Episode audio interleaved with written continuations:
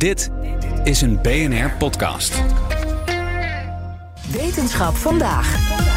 Morgenochtend wordt vanaf het Kennedy Space Center in Florida een nieuwe klimaatsatelliet gelanceerd. Met aan boord een nogal indrukwekkend Nederlands instrument. Nou, daar gaan we meer over horen van wetenschapsredacteur Carlijn Meinders. Hey Carlijn. Hoi. Hoe zeker is dat deze lancering doorgaat? Want ja, we horen wel eens van lanceringen die weer afgesteld worden, uitgesteld. Ja, dat is altijd spannend. Uh, het ziet er goed uit. Het zou gaan stormen daar, maar dat lijkt wat later in de week te gaan gebeuren testen zien er allemaal goed uit. Dus ze hebben er vertrouwen in. En dat zou dan morgenochtend rond half acht Nederlandse tijd worden. Oké, oké. maar het gaat dus om een satelliet en die gaat kijken naar het klimaat. Ja, NASA Space satelliet met aan boord instrumenten die gaan kijken naar plankton, oceaankleur, wolken, aerosolen, die, die superkleine fijnstofdeeltjes in de mhm. atmosfeer. En in dat laatste is Spex One gespecialiseerd, een nieuw instrument waar sinds 2017 aan wordt gewerkt. Gebouwd door Esron en Airbus Netherlands. In Nederland dus. Ja, en dat, dat onderzoek naar fijnstof, dat gebeurt best veel al, toch? Ja, daar doen we zeker al onderzoek naar, maar nog niet goed genoeg, vertelt Esron-onderzoeker Aaldert van Amerongen vanuit Florida. We kijken wel al een tijd naar de atmosfeer met satellieten, maar dit aspect, dus dat stof meten, is best lastig. Want uh, het heeft allemaal groottes. Het kan een heel fijn stof zijn en wat uh, minder fijn. En het heeft allerlei kleuren. Het kan bijvoorbeeld zeezout zijn, of woestijnzand, of uitstoot uit uitlaatgassen of uit industrie. En dat heeft allemaal verschillende kleuren, verschillende eigenschappen. En om dat uit elkaar te halen, heb je een heel speciaal meetinstrument nodig. En dat meetinstrument hebben wij uitgevonden. En dat gaan we nu lanceren. Oké, maar hoe lukt dat uit elkaar halen dan precies met dit nieuwe instrument? Nou, dat instrument werkt net even anders dan wat er al bestond. Dit is een van de innovaties. We kijken met een camera naar de aarde vanaf een satelliet. En die satelliet draait dus om de aarde heen, over de polen. En zo scant hij de hele aarde. Dat zo naar beneden kijken met die camera, dat uh, doen andere satellieten ook. Maar het speciale hier is dat we gaan kijken onder vijf hoeken.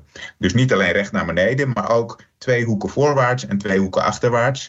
En op die manier kunnen we elk plekje op aarde vanuit vijf hoeken bekijken. Ja, dat is heel erg mooi, want die fijnstofdeeltjes die, die verstrooien zonlicht. Per type fijnstof is dat net anders. Mhm. Eh, en ook vanuit elke hoek is dat anders. Dus je kan het veel completer gaan bekijken als je dat vanuit die vijf hoeken doet. En dan kan het instrument nog iets heel tofs en dat heeft alles te maken met polarisatie. Als je in een auto uh, rijdt bijvoorbeeld en er is heel laag uh, zonlicht, dan kun je op het oppervlak uh, van de weg, zeker als, daar, als het nat is, heel veel reflecties zien. Als je dan een gepolariseerde zonnebril opzet, dan filter je die reflecties eruit. Dan zie je veel duidelijker. Zo'n effect hebben we ook ingebouwd in dit satellietinstrument.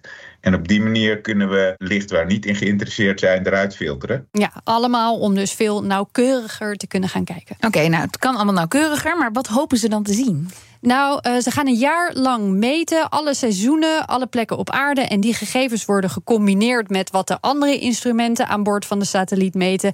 En wat er al in de modellen zit. En dan komt waar wij van verwachten dat het een, een doorbraak zal opleveren. Dat we veel beter begrijpen wat is de rol van fijnstof bij de opwarming van de aarde. Op twee manieren. Dus het directe effect, het terugreflecteren van uh, zonlicht de ruimte in.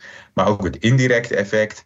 Rondom fijnstofdeeltjes kunnen zich wolkendruppeltjes vormen. Dus als je veel fijnstof in de lucht hebt, dan krijg je meer wolken en de wolken zijn ook helderder. En daarmee koelen ze ook de aarde af. Ja, we weten dat dat effect er is, maar hoe sterk het is, weten we amper.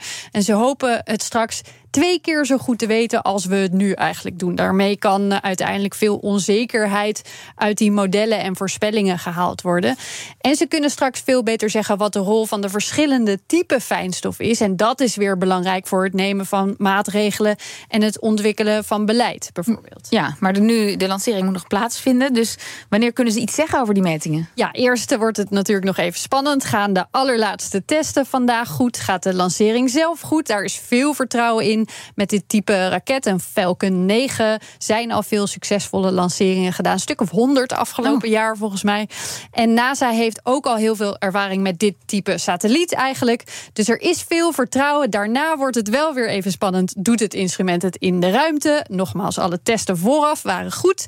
En dan zou na twee maanden alles ingesteld moeten zijn en komt structureel die data binnen. Ja, en morgenochtend is het, hè? Zie ik in de agenda staan. Morgenochtend uh, rond half acht, uh, ja, het begin van een spannende tijd.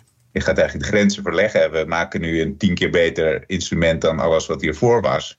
En uh, we verwachten dus dat alles wat hiervoor was, dat we dat dan kunnen bevestigen en dan nog even nauwkeuriger. Maar er zijn natuurlijk ook nog dingen die we niet weten. Wie weet wat ze allemaal gaan zien. Uh, misschien wel dingen die we nu nog helemaal niet kunnen bedenken. En dat is altijd spannend. Dankjewel, Carlijn Meinders.